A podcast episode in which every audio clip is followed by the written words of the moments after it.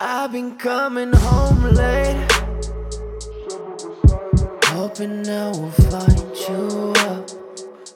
Nepatiko mano bendraklasiams, kad aš klausau tos muzikos ir atrodė jokinga.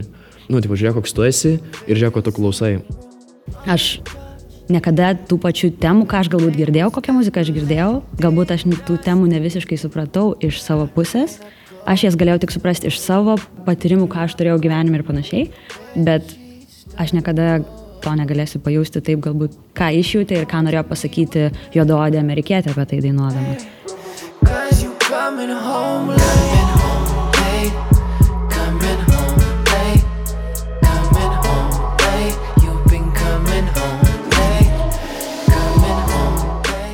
Su jumis Karolis Višniauskas iš Nanuk.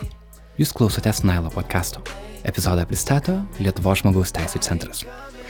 Mūsų pašnekovai šiandien yra Angelų ir Fingelik, arba Angelika ir Tomas. Du lietuviai, kuriantys naujos kartos hip-hopą ir RB. Šiandien podcast'e kalbėsime su jais ir grosime jų muziką. Epizodo pabaigoje trumpai susitiksime su Chelsea Reject, Bruklino reperė, pernai koncertavusi klube Kablys, čia pat Vilniuje.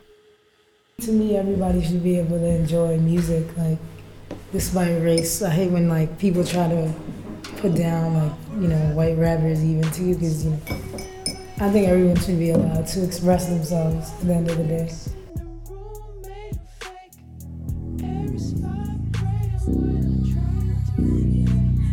Dabar skamba Angelų. Faces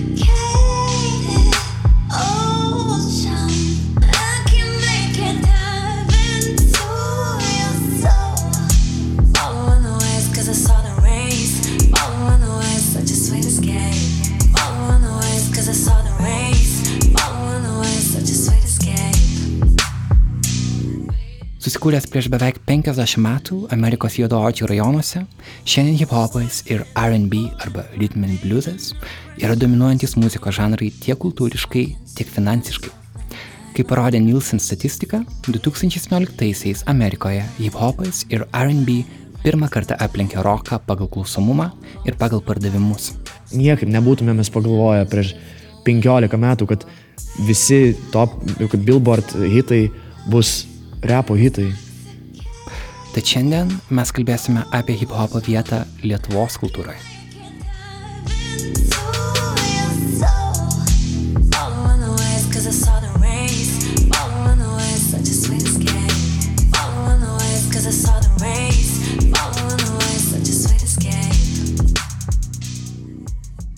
Šis epizodas yra tesinys prieš porą savaičių publikuoto kito epizodo, kuriame kalbėjome su gatvės šokių mokytoju ir muzikos produceriu Hubertu Highleaf.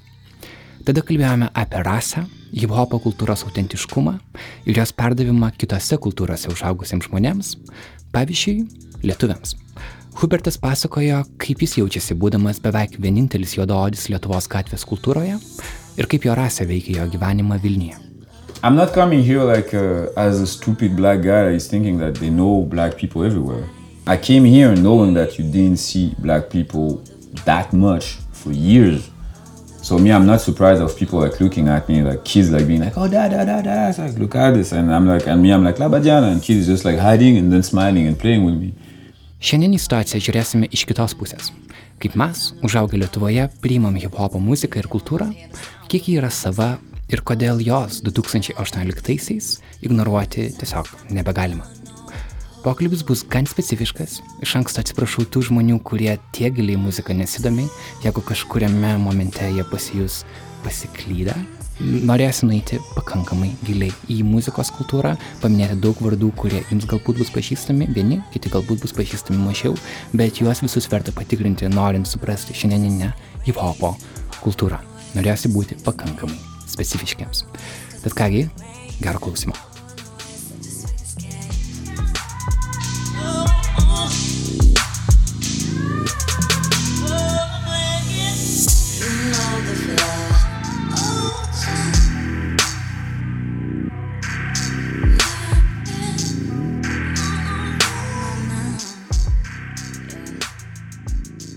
Tai iš tikrųjų pradžiai, um, man įdomu, kaip apskritai jūs pradėjot domėtis e, hip-hop ir RB muzika, kas buvo tie pirmieji atlikėjai ir kiek jums buvo metų, kur jūs gyvenot. Galite šiek tiek konteksto duoti? Aš iš, esu iš Vilnius ir labai didelę įtaką padarė kabilinė televizija, nes mano namie neskambėjo labai daug muzikos, mano tėvai klausė, jiems užtekdavo labai nedaug muzikos, dėl to aš turėjau savo muzikinį skonį susiformuoti per kanalus ir šaltinius, ir kaip radiją, ir, ir televiziją.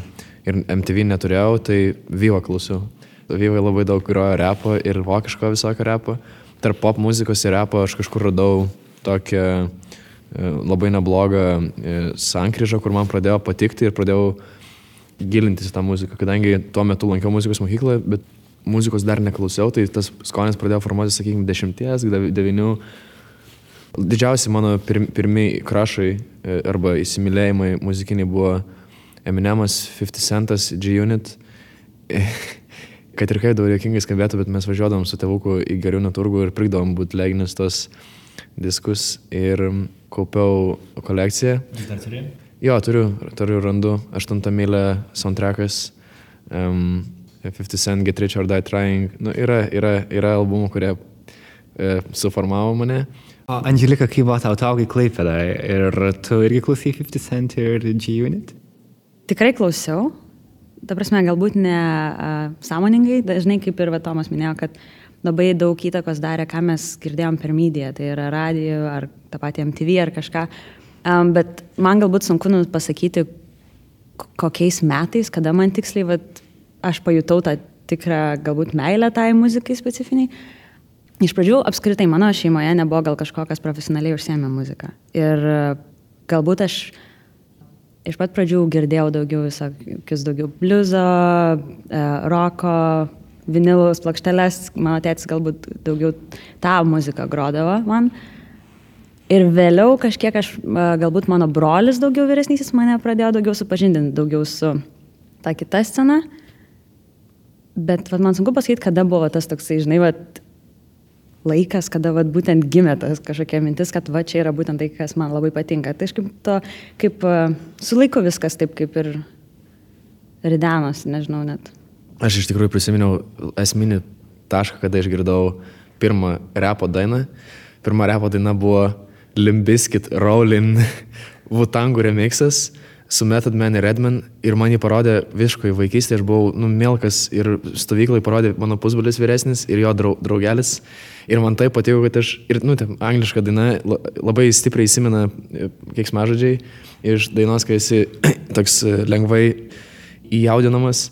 Tai aš vaikščiau po tą stovyklą, vaikų stovyklą, vaikščiau ir tos uh, žodžius uh, kartojau ir, ir mane paskundė uh, vadovams ir po to mamai ir normaliai gavau, nu, tipo, kentėjau dėl to, bet tai buvo mano pirmas repo gabalas ir nuo jo, man atrodo, aš um, pradėjau klausyti, tai buvo tas rock rap, kuris irgi vienu metu buvo ke ke keistas uh, reiškinys. Angelika, tu gali pavardinti keletą kažkiek atlikėjų, kurie tau darė įtaką, nes tu klausai daugiau moterų dainininkių, RB dainininkių, ar ne? Kas, kas jos buvo tokios? Iš tikrųjų, kažkaip išskirti keletą man labai būtų sunku dabar, nes galbūt netgi aš labiau pradėjau gilintis į daugiau tokias šaknis neseniai, nes anksčiau tai buvo daugiau toks e, nesąmoningas domėjimas ar klausimas to ir, ir tai nebuvo kažkoks pasirinkimas, kad o aš noriu to klausyti, man tai patinka. Tai labai natūraliai tiesiog gavosi ir vėliau su laiku, kai aš pradėjau tiesiog daugiau pati tą muziką atlikti ir pradėjau tiesiog daugiau domėtis tom. Ir gal dėl to aš pradėjau daugiau ir domėtis tais atlikėjais. Tai nežinau, galėčiau išskirti, nu, net nežinau, ką čia Alija, kaip ir mes kažkada šnekėjom, tai vėlgi kažkas buvo unikalaus. Perin prie rasės klausimo, kada jūs pradėjot suvokti, kad hip-hopas To visas šaknis yra Amerikos juodaodžių bendruomenėse, kurias kažkaip gyvenant Lietuvoje nu, tiesiog yra žiauriai sunku pažinti. Ir a, aš manau, kad tokie reperiai, kaip pavyzdžiui Eminemas, kuris daugam atvėrė duris, atrodo, hip-hopą, tai padarė dėl to, kad jis buvo baltas, kad jisai atrodė taip, kaip žmonės pas mus atrodo. Ir kartais atrodo, kad gal mes hip-hopą ir suprantam per tą tokią baltą prizmę, kad pavyzdžiui, koks nors limbiskit, tai apskritai sunku sėti su hip-hopą, bet ta grupė mums gali būti artimesnė negu kokie nors būtangai, ar ten, pavyzdžiui, nežinau, kaip Beastie Boys, gal kažkam buvo artimesnė grupė negu, pavyzdžiui, Run DMC ir visas kitos. Tai kaip, kaip jūs pradėjote tuo domėtis, kad iš to yra didesnė kultūra, kuri labai susijusi su konkrečia uh, gyventojų grupė Amerikoje ir kaip jūs su tuo užmėsgėt ryšį, nes gali atrodo, kad yra labai labai tolima. Ir, pavyzdžiui, dalį vyresnės kartos žmonių, jie hip-hopą nurašo dėl to, kad tai yra maždaug, tai yra ne mūsų muzika, tai yra jų muzika. Jūs tai matot kaip jūsų muzika, kaip bendra muzika, bet kaip, kaip jūs tai supratot ir kaip pajutėt, kad tai yra jūsų dalykas, kad jūsų kultūros dalis irgi. Aš e, tuo pačiu metu, kai klaus, pradėjau klausyti hip-hopą, aš pradėjau e, domėtis NBA žiūrėti ir rinkti lipdukus. Tai mano supratimas tuo metu išsiplėtė apie, apie juododžių kultūrą. Aš, kadangi vaikas būdamas nekvesionavau, kažkaip ne, nepavyko kvesionuoti rasės iš tokio sociologinio, tokio rimto kažkokio tai požiūrio, atrodė viskas tiesiog, mane minėjimas iš tikrųjų, man labai nepatiko pirmas jo albumas, labai nepatiko, kaip jisai ironiškai save žiūrėjo, nes aš e, kažkaip labai, nu, man tas hip-hopas ir patiko, man atrodo, dėl to, dėl, dėl to kietumo. Ir tas kietumas, e, jis geriausiai atsispindėdavo būtent tose hiper rimtose reperiuose. E, 50 Cent buvo tas vienas iš tų, kur nu, jo visa legenda yra pastatyta ant tokio narkotikais prekiaujančio, devynis kartus peršauto, ten prostituciją, savadavimu užsiimančio um, kieto žmogaus įvaizdžių. Ir man, man visą laiką atrodė, kad e, tiesiog juodožiai reperiai geriau repuoja, man visą laiką buvo svarbu įgūdis. Tai mano mėgstamiausi reperiai ir buvo, man atrodo, Jay-Z, 50 ir Nas. Kai šiek tiek vyresnis pradėjau darytis, pradėjau klausyti tekstų ir suprasti per tekstus šiek tiek um, iš kur ateina ta muzika, tai Jay-Z ir Nas uh, savo muzikoje um, gana nuoširdžiai pasakoja tos dalykus. Ilmetik albumas, man atrodo, man taip gana girdėjau, kad man jį reikia paklausyti ir tada jau būdamas kokių 15, gal 16, taip jį rimčiau paklausiau. Tada pradėjau suprasti, kas yra pagrindas tos muzikos. Bet tuo pačiu metu daug eina e, triukšmo, tiesiog visokio. Tai 50 galų gale tapo triukšmu ir tas visas puošnumo repas pralaimėjo mano akise su branda, pralaimėjo prieš repą, kuris turi tą žinutę. Aišku, ta žinutė dėja su devinto albumu baigėsi. Jay-Z ne, nu, negali parašyti devynių albumų parašyti apie tai, kaip, kaip jisai užaugo ir kaip jam yra sunku, nes galų gale išsisėmi. Tai va, o, iš kit, o iš tos pusės, kad kultūra mūsų, ne mūsų, aš atsimenu, kad mokykloje, kažkodėl mokykloje gaudavau um, tokių, nu, ne, negaliu sakyti patyčių, bet dėl muzikos skonio labai geroj prestižiniai mokyklai nepatiko mano bendraklasiams, kad aš klausau tos muzikos ir atrodė jokinga. Čia buvo kokio devintoje klasėje. Jie gal ne, ne, nebuvo kažkokio konkretaus, um, kažkaip, kad norisi prisikabinti prie to, ką ta muzika reprezentuoja, gal, gal, gal, gal būdavo e, bandoma supriešinti arba parodyti man, žiūrėk, nu, tipo, žiūrėk, koks tu esi ir žiūrėk, ko tu klausai. Maždaug, e, čiagi, tu, žinai, čiagi, Ką, ką tai reiškia? jau. Tai reiškia, kad tu esi baltas, o jie yra juodi, ar kad yra daugiau, kad tu nesi tos kultūros dalis. Tarsi, kiek ras, rasės klausimas žaidė tame. Niekas, rasė visą laiką, man atrodo, toks uh, jautrus dalykas, jau mano, mano kartoje labai jautrus dalykas jau buvo. Kažkaip nieks per daug nesisvaidavo lengvai šitais terminais.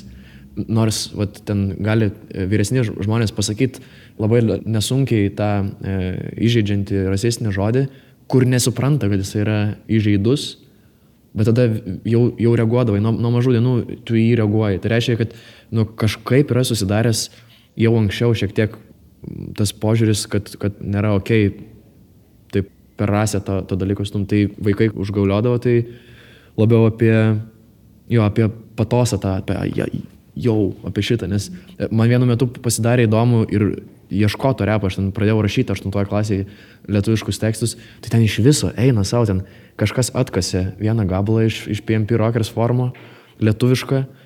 Ir, nu, aš neturėjau nu, laisvos e, minutės, tas ten visiškai buvau uždaužytas dėl to. Dėl to, kad tuo metu pankroko visi klausė ir aš kaip ir tarp repo ir pankroko irgi turėjau palaikyti kažkokius tai du. Nu, labai, sun, labai muzikinis skonis yra labai sudėtingas dalykas. Jeigu tavo muzikinis skonis nepatinka kitiems, tai jie tau apie šitą pasakys.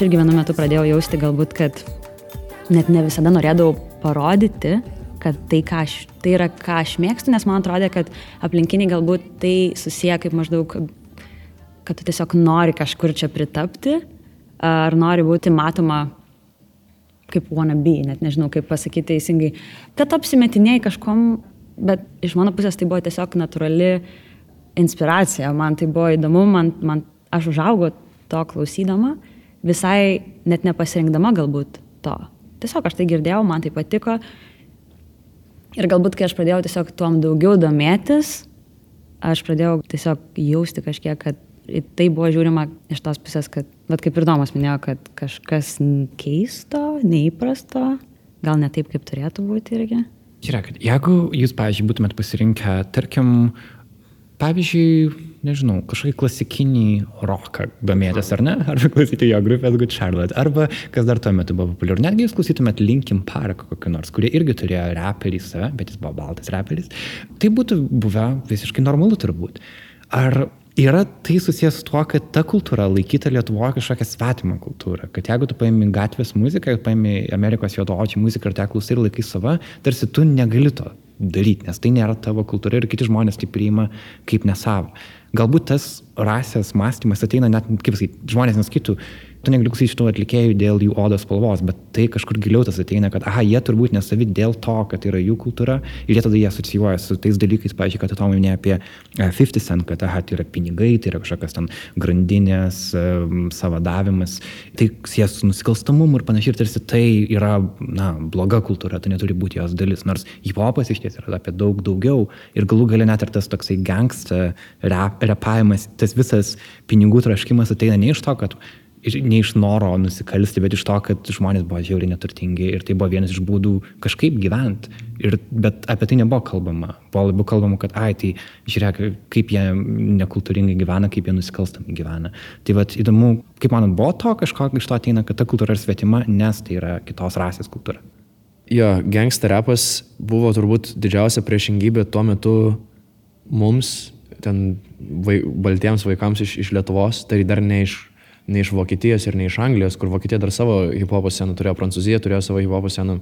Aš domėjausi visai vienu metu, ten įdomių labai dalykų galima atrasti, bet, bet tas didžiausias ir prie- prieš, priešingybė ir buvo, kad gangsta repas ir, ir aš, tai yra du tokie skirtingi poliai, kad tai tada ir iššaukė tas patyčias, tai ir iššaukė mano norą e, kažkiek tai nesąmoningai vertis blingus, e, nešiot e, apkritusius rūbus, kas tau nebūtinai siejasi iškart su, su rase, bet tu supranti, kad tai yra visiškai, kad tai yra taip, tos kultūros dalis.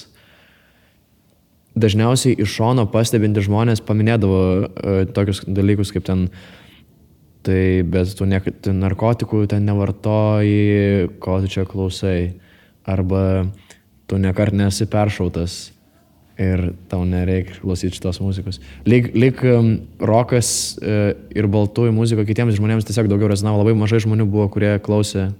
Aš labai su, žiauriai suprantu ir aš noriu irgi su tavim prie tos minties nueiti, bet dabar grįžtant, tiesiog einant mem, down memory lane, labai sunku rasti tą rasę kaip tokį labai aiškiai veikiantį faktorių. Tai gal jas nėra, žinai, čia man reiktų prielaida. Galbūt, galbūt to nėra, galbūt tas nusikalstamumo momentas ir narkotikų, tarkim, momentas yra svarbesnis negu uh, rasės momentas. Tiesiog gal mes tada natūraliai susijęm, aha, jeigu tai yra nusikalstamumas, tai yra juododžiai, jeigu tai yra uh, roko kultūra, smagiai muzika, viską, tai yra pop muzika, tai jau yra baltųjų muzika. Jeigu gaunasi taip, kad mes stereotipais netikėjom, jeigu mes buvom tie, kurie, kuriems buvo sakoma e, maždaug e, iš visuomenės pusės, kad šita muzika turi tokia, tokias konotacijas ir kad e, dėl to jinai yra ten prastesnė kažkokia, tai reiškia, kad mes prieš tos stereotipus tada įrėjom, nes visų pirma, tai visi geriausi reperiai, kiek, nu, žinoma, tikrai šitam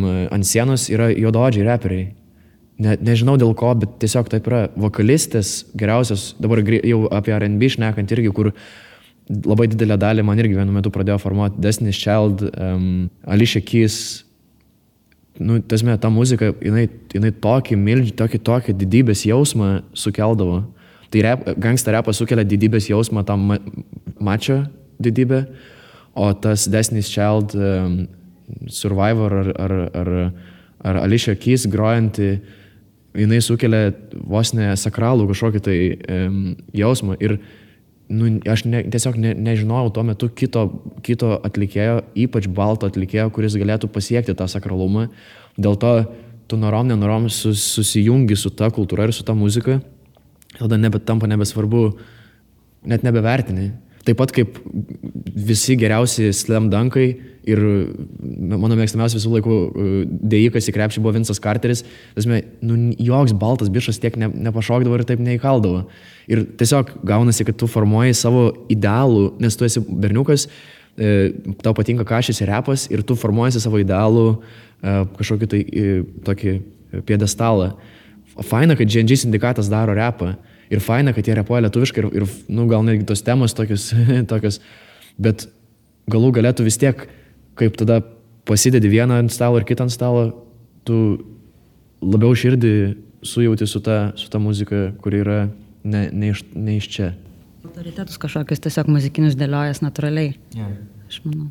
Ir tu paminėjai krepšinį ir muziką, kaip vat aš tas dvi sritis, kurioje, žinai, uh, juodaodžiai yra reprezentuojami daug turbūt geriau negu kitose srityse. Nes, pavyzdžiui, gyvenant Lietuvoje, jeigu tu žiūri serialus, žiūri filmus, tu beveik jų nematai. Jeigu tu šiaip kažką, kažką kuri visur, tai yra panašus žmonės į tave ir galbūt uh, tai, kad tu domėjai, čia klausimus įm abiem, tai, kad jūs domėjotės, pavyzdžiui, muziką jau nuo pakankamai jaunų dienų, jums leido priimti juododžių kultūrą kaip visiškai lygiavertišką kultūrą, kad jūs to rasistiško mąstymo, kuris galėjo susiformuoti kitiems žmonėms, jūs jo tiesiog neturėjo. Galbūt muzika atvėrė duris jums į nu, platesnį pasaulį, kaip galbūt kai kam krepšinis ir domėjimas kokio ten NBA irgi parodė, kad nu, yra visiškai natūralu. Turbūt lietuviai, pažiūrėjau, bendrai Lietuvos supratime apie juododžių kultūrą, daug krepšininkų, kurie nu, žaidė žalgyrį ar kažkur, jie buvo turbūt vieninteliai koks nors buvo Tanaka Bird, ar ne, jis buvo vien...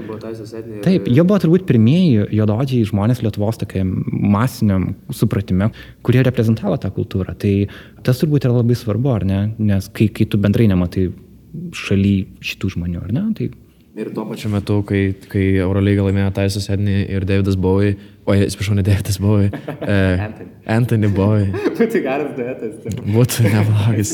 tai tuo pačiu metu per, per, per teleką eina manijos reklama, kuri nu, labai prastai reprezentuoja. Tai Kur buvo sėdas kažkaip juododis su šokoladu, ar ne? pastoviai ir, ir beje, įdomu, šiek tiek norėčiau prisiminti, nes e, neatsimenu tais laikais, kaip visuomenė žiūrėjo į, į, į krepšininkus, kurie laimėjo Eurolygą, bet buvo juododžiai. Nes mūsų periferija, manau, kad miestuose, nu, normaliai ten priemė viską, laimėjo, atnešė auksą Lietuvai, bet turbūt labai daug to tokio seno rasizmo, ypač dėl to, kad mes labai nesenai buvom labai, mes ir šiaip homogeniška visuomenė, bet visai neseniai juododžiai neegzistavo e, Sovietų sąjungoje, taip pat kaip ne, neegzistavo homoseksualų žmonės ir, ir, ne, ir sekso nebuvo ir tasme staiga šitie žmonės atsiranda ir kaip tas buvo. Tarp mūsų, tarp, tarp jaunų, tai tiesiog vėlgi tu juos dievini, nes jie, nu, jie žiauriai gerai atlieka savo tą skirtą rolę, jie labai gerai žaidžia arba dainuoja ir, ir atneša dar šlovę Lietuvai, kas, nu, vieni pliusai. Andželika, tau mokantis, sakykime, dainuoti, rašant pačiai dainas, ar tu jautiesi lygiai vertiškai, sakykime, kultūros dalis, jeigu daugelis tave įkvėpusių atlikėjų yra uh, jododės, ar tu galvoji, kad tu gali dainuoti lygiai taip, ar tai yra tavo kultūra, tarsi, kaip tu tą kultūrą priemi kaip savo, ar tau buvo kažkokių dviejonių, kad gal aš tiesiog nesu tokia gera, kaip, nežinau, lyšiekys ir niekada nebūsiu vien dėl to, kad aš užaugau klaipėdą ir turiu kitokį kultūrinį supratimą, nes dabar hip-hopas yra visiškai pasaulinės kultūros dalis, e, bet tuo metu, kai tu mokėsi, kai tu pradėjai kai tu augai, tas turbūt buvo, nebuvo tiek daug atviro, tau reikėjo kažkaip gal net psichologinis kažkokius barjerus perėti, o gal ir ne, kaip to buvo? Aš manau, kad vis tiek, gan- kadangi viskas prasidėjo, visa kaip ir inspiracija buvo iš muzikinės pusės visų pirma. Ir kas liečia pačią kultūrą, aš tikrai galiu, manau, tai natūralu, kad aš niekada negalėsiu pilnai, tai nėra mano kultūra ir tai aš, nu kaip pasakyti, niekada tų pačių temų, ką aš galbūt girdėjau, kokią muziką aš girdėjau, galbūt aš tų temų ne visiškai supratau iš savo pusės, A, aš jas galėjau tik suprasti iš savo patyrimų, ką aš turėjau gyvenime ir panašiai, bet aš niekada to negalėsiu pajusti taip, galbūt, e, kaip galbūt ką išjūtė ir ką norėjo pasakyti juodaodė amerikietė apie tai dainuodama. Know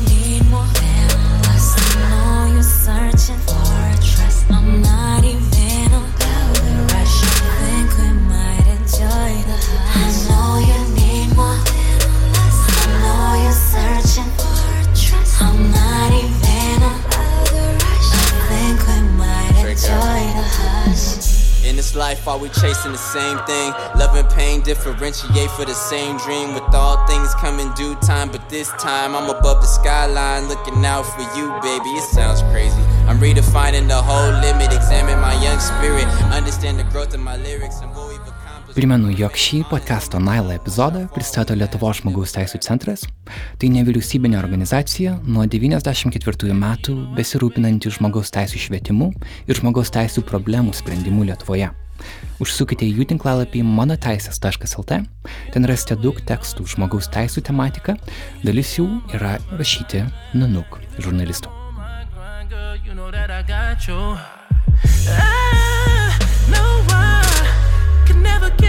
you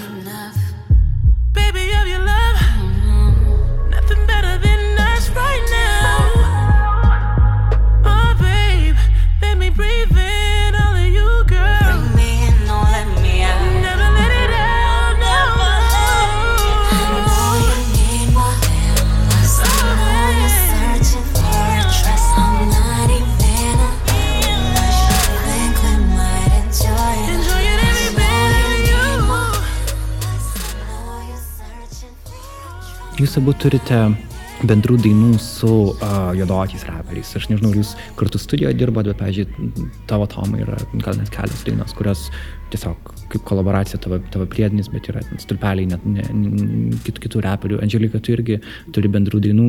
Pasakot apie tas patirtis. Um, kiek, pavyzdžiui, realiai rašant muziką, tas rasis klausimas iškylo. Gal jis visiškai nerūpi. Svarbu, jeigu gerai dainuoji, jeigu yra gera daina, tai koks skirtumas, iš kur tu esi kilęs.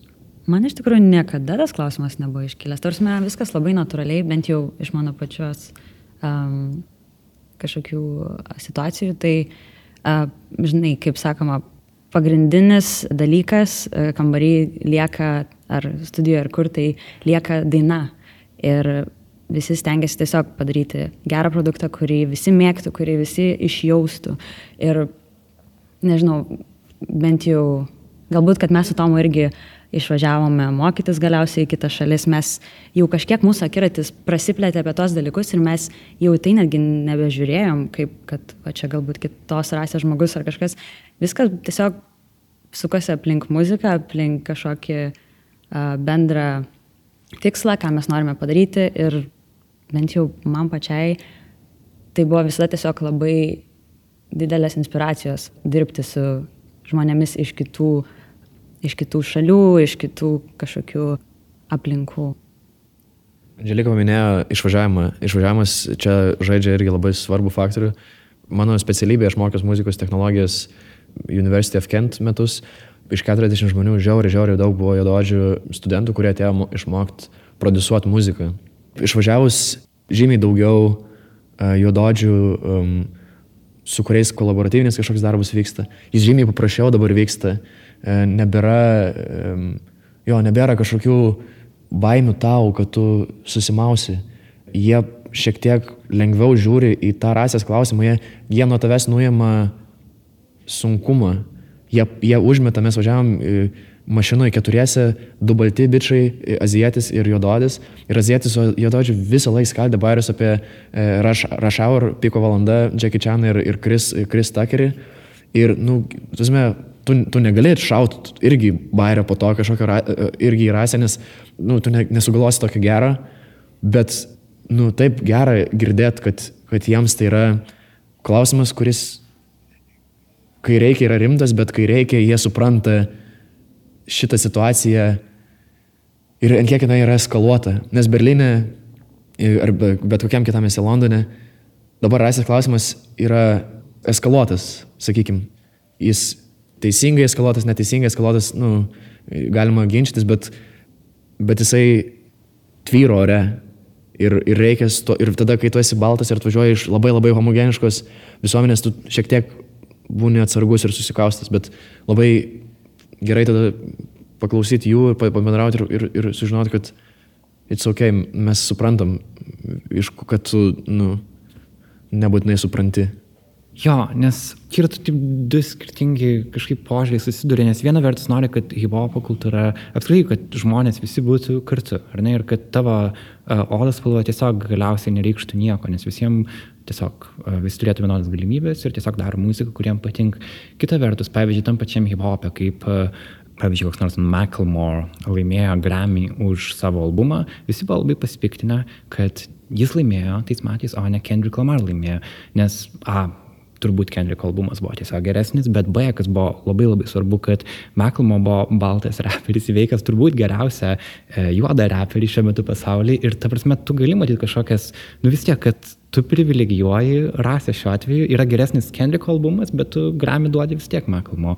Ir um, jeigu pažiūrit, tarkim, topus šiuo metu, kas yra iš raperių lyderiaujantis, yra labai daug baltų raperių. Eminemas, yra ten koks nors Post Malone. E, pavyzdžiui, Eminemas anksčiau niekada apie savo rasę nekalbėdavo. Tai yra jo naujausias albumas dabar, kuris apie tai kažkiek turi kažkokią dainą White Boy, vadinasi joje, kur, kur dabar jau Amerikoje apie tai yra tokia tema, kurios jis negali išvengti. Anksčiau jis tiesiog nekreipdavo dėmesio. Koks nors Post Malone, jisai tai kreipia dėmesį ir jisai vos nejuokas iš savęs, kad jis kažkoks nevykęs rockeris, dabar tapo kažkokiu super populiariu raperiu. Bet apskritai, nu, yra turbūt ta baim, ta rizika, kad tas baltųjų rapas tarsi kažkokią savo getą turės ir sakys, kad ne, jis tai nėra tikras rapas, tikrą rapą geriau repuoja tik tai juodaodžiai ir jie turės savo kažkokią grupę. Tai nežinau, kaip jūs tai matote, ar, ar tai nėra, tarkim, kad jūs šią kultūrą priimdami nesijaučiate kažkaip pasisavindami, nes ji nėra jūsų kultūra, ar kartu matot, kad gali visi būti draugė hip-hopė, tiesiog nesvarbu kokia juodos spalva, kaip jums atrodo. Aš tai manau, iš tikrųjų gal reiktų pradėti žiūrėti į tai vėlgi nuo tos pradžios, kaip mes su tuom susipažinom. Ir galbūt netgi jeigu mes pradėjom klausyti tą muziką, kai mes buvom maži vaikai, mes tai girdėjom, niekas mums nesakė, kad čia yra ne tavo, šito tu negali klausyti. Ir kaip tai būtų iš tikrųjų, jeigu mes taip darytumėm, tai būtų labai keista, būtų toks daugiau, tai čia yra, čia esame mes ir ten yra jie. O aš manau, kad to apskritai reikia jau kuo mažiau šiai dienai. Vėlgi, tai aš manau, čia lab, vėlgi labai natūrali gaunasi situacija ir kad mes būdami vaikai, mes tiesiog gauname tai ir mes klausome tai ir kad tas toks atskirimas to galbūt vėlgi sukurtų dar didesnį kažkokį barjerą, kad kad nebūt kažkokia vienybė, o čia yra tas, tas, tas ir tam, ir tam, ir tam priklauso. Man labai patiko, Andželika pasakė apie tos barjerus. Ir tada vėl grįžtant prie minėjimo ir apie populizmą, šnekant apie, apie, apie sienas, kuo mažiau tų sienų dabar, nes, nu, jeigu dabar mes tas sienas pasistatysim, tai tada jau muzika tikrai neišgelbės. Politikoje visur kitur tos sienos statomos rasiniais pagrindais šitą, nu, mes neišvengsim, bet reikia, bent jau galim nuo savęs pradėti, žinai.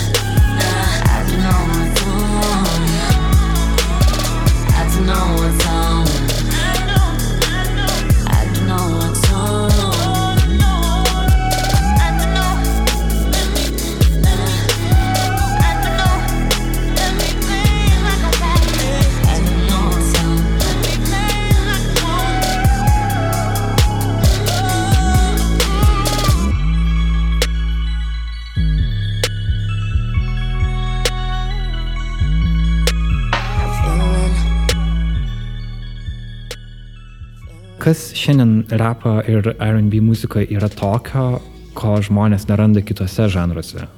Pavyzdžiui, roke arba ten kokio elektroniniai muzikoje. Kas šitoje muzikoje, ką jūs joje randat, kur, kur ko nėra, nerandat kitose žanruose?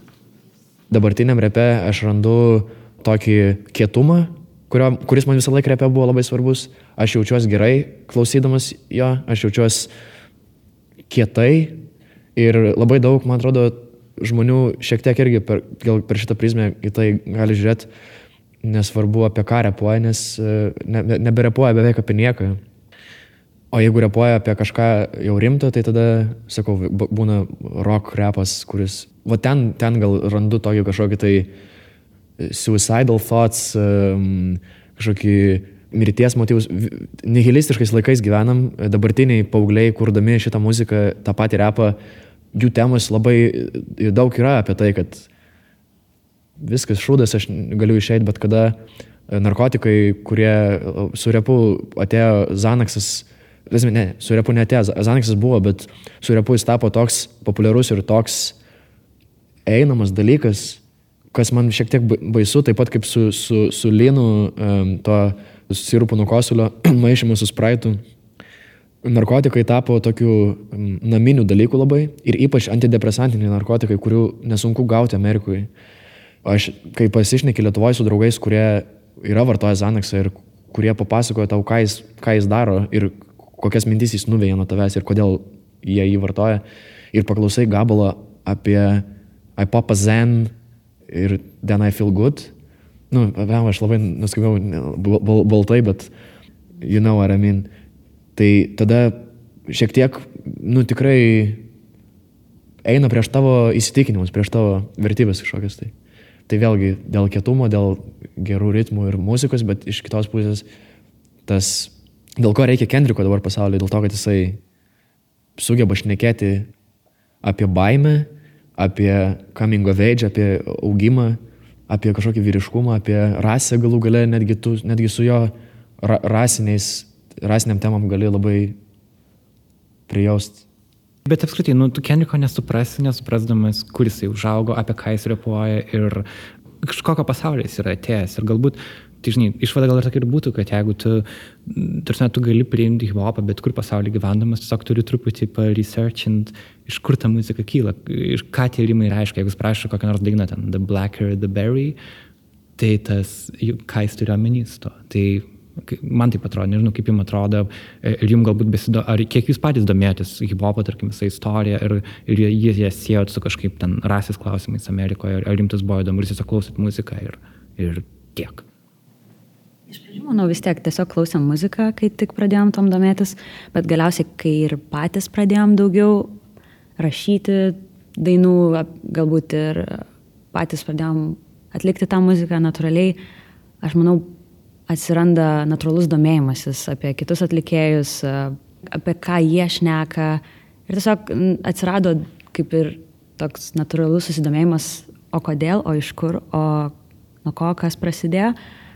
Bet vėlgi, aš vis tiek noriu grįžti prie to, kad mes pasidarėm galbūt labiau aware, nežinau kaip, labiau suprantantis, kas vyksta, kodėl, iš kur, bet vėlgi mes negalime šimtų procentų į, įlysti batus žmonių, iš kur, kur, iš kur jie kilę, per ką jie ėjo ir kodėl jie vienaip ar kitaip pateikė tam tikras temas savo muzikoje.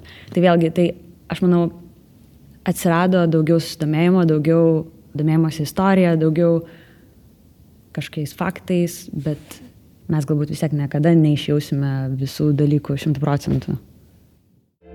I said, you know you gotta shine. Get, get, get, yeah.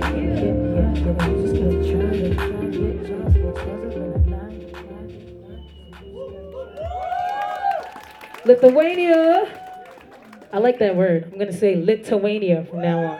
Cause y'all are lit as fuck. Yeah, yeah. Ačiū Tomui Rančelikai, o dabar keliamės į Chelsea Reject koncertą Vilniuje. So you guys feeling good tonight? Let me know, cause I came here from Brooklyn to fuck with you guys, and it's, it's lit. So when I say it's lit, say it's lit. It's lit. It's lit. Woo. Let's keep going. Tai buvo pirmasis jos turas Europoje, koncertas praėjo puikiai, pabaigoje publika, daugiausiai jauni, pirmų studijų kursų klausytojai, lipo į sceną ir šoko kartu su Chelsea. Tai buvo labai labai gražus momentas. Chelsea buvo be ne vienintelė juodaodė ten. Panaši patirtis jos laukia viso Europos turo metu. Ji nebuvo prie to pratusi koncertuodama JAV. Tad po koncerto persimetėme keliais žodžiais, ką jai šitie kultūriniai skirtumai reiškia.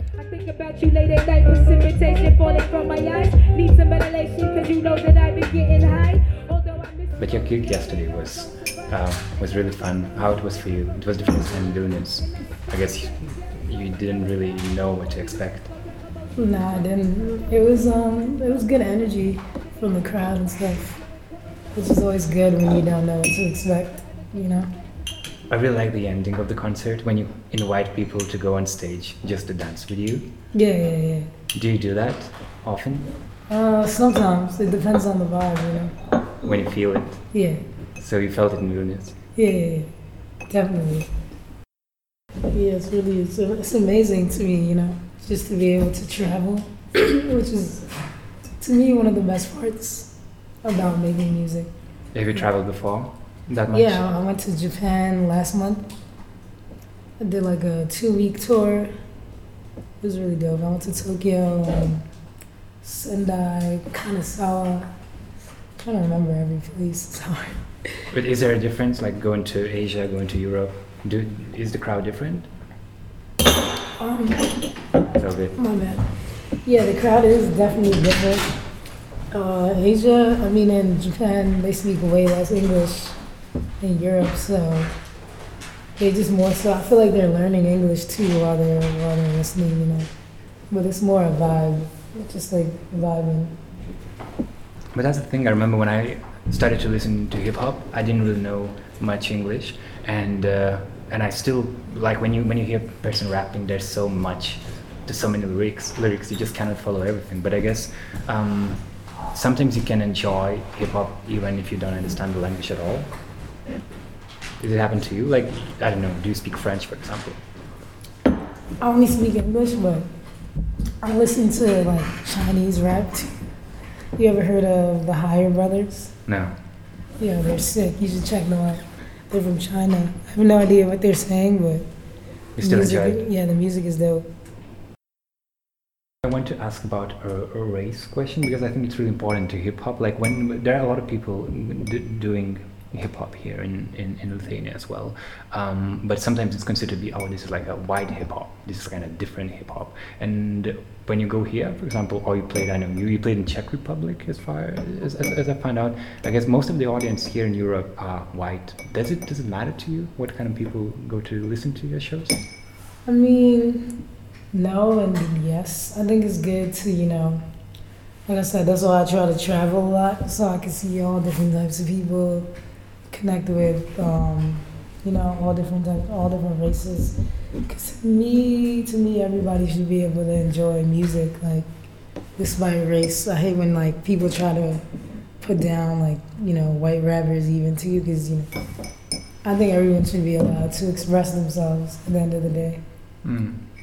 You mentioned Iggy Azalea earlier, so she was she received a lot of criticism that she's kind of trying to sound like a black artist, even though she's white. Um, and uh, also Macklemore, he got a lot of like criticism as well that he that uh, th- there is a fear that those people will kind of steal hip hop culture Mm. from black people. How, how do you feel about it? What do you think about that? I mean, to an extent, because I'm not really an Iggy Azalea fan. I can see why they would think that. But like I said, you can't really censor creativity at the end of the day.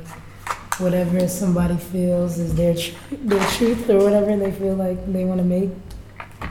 I'm not knocking it. All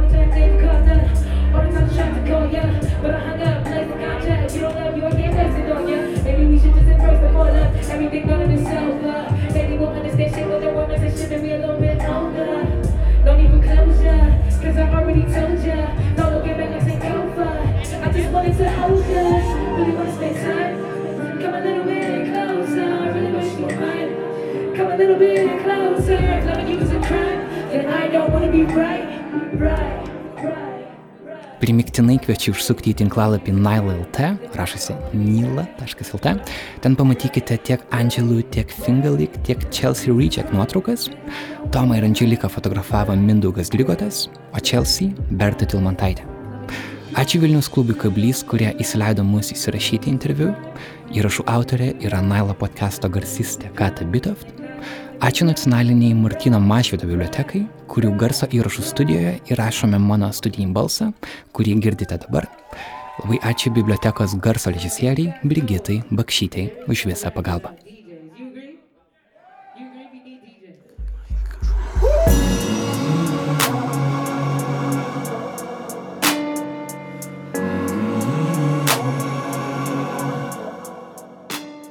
Taip pat dėkoju šios savaitės Patreon rėmėjams. Prie kampanijos prisijungė Šarūnas Straigis, o savo sumas padidino Monika Neverduskaitė ir Eglė Vandenio. Mūsų kampanijos adresas yra patreon.com, pasvirasis brūkšnys, nanuk multimedia, kiekvienas žodis. Kviečiu prisijungti, mūsų jau yra 182, 182 klausytojai, kurie prie podcastų kūrybos prisideda nuo 1 dolerio iki 30, iki dabar jau netgi 300. Kiekvienas kas kiek gali ir kas kiek nori. Ačiū Jums visiems labai labai už tai nuo visos komandos. Tinklalapyje Nile.lt yra visi ankstesni mūsų epizodai. Kviečiu išgirsti juos, jeigu podcastą atradote tik tai dabar. Primenu, kad Nailo podcastą kūrė multimedijų agentūra Nanuk. Šį epizodą vedžiau ir redagavau aš, Karolis Višnauskas. Susitikim kitą savaitę. Ačiū, kad klausėte. Iki.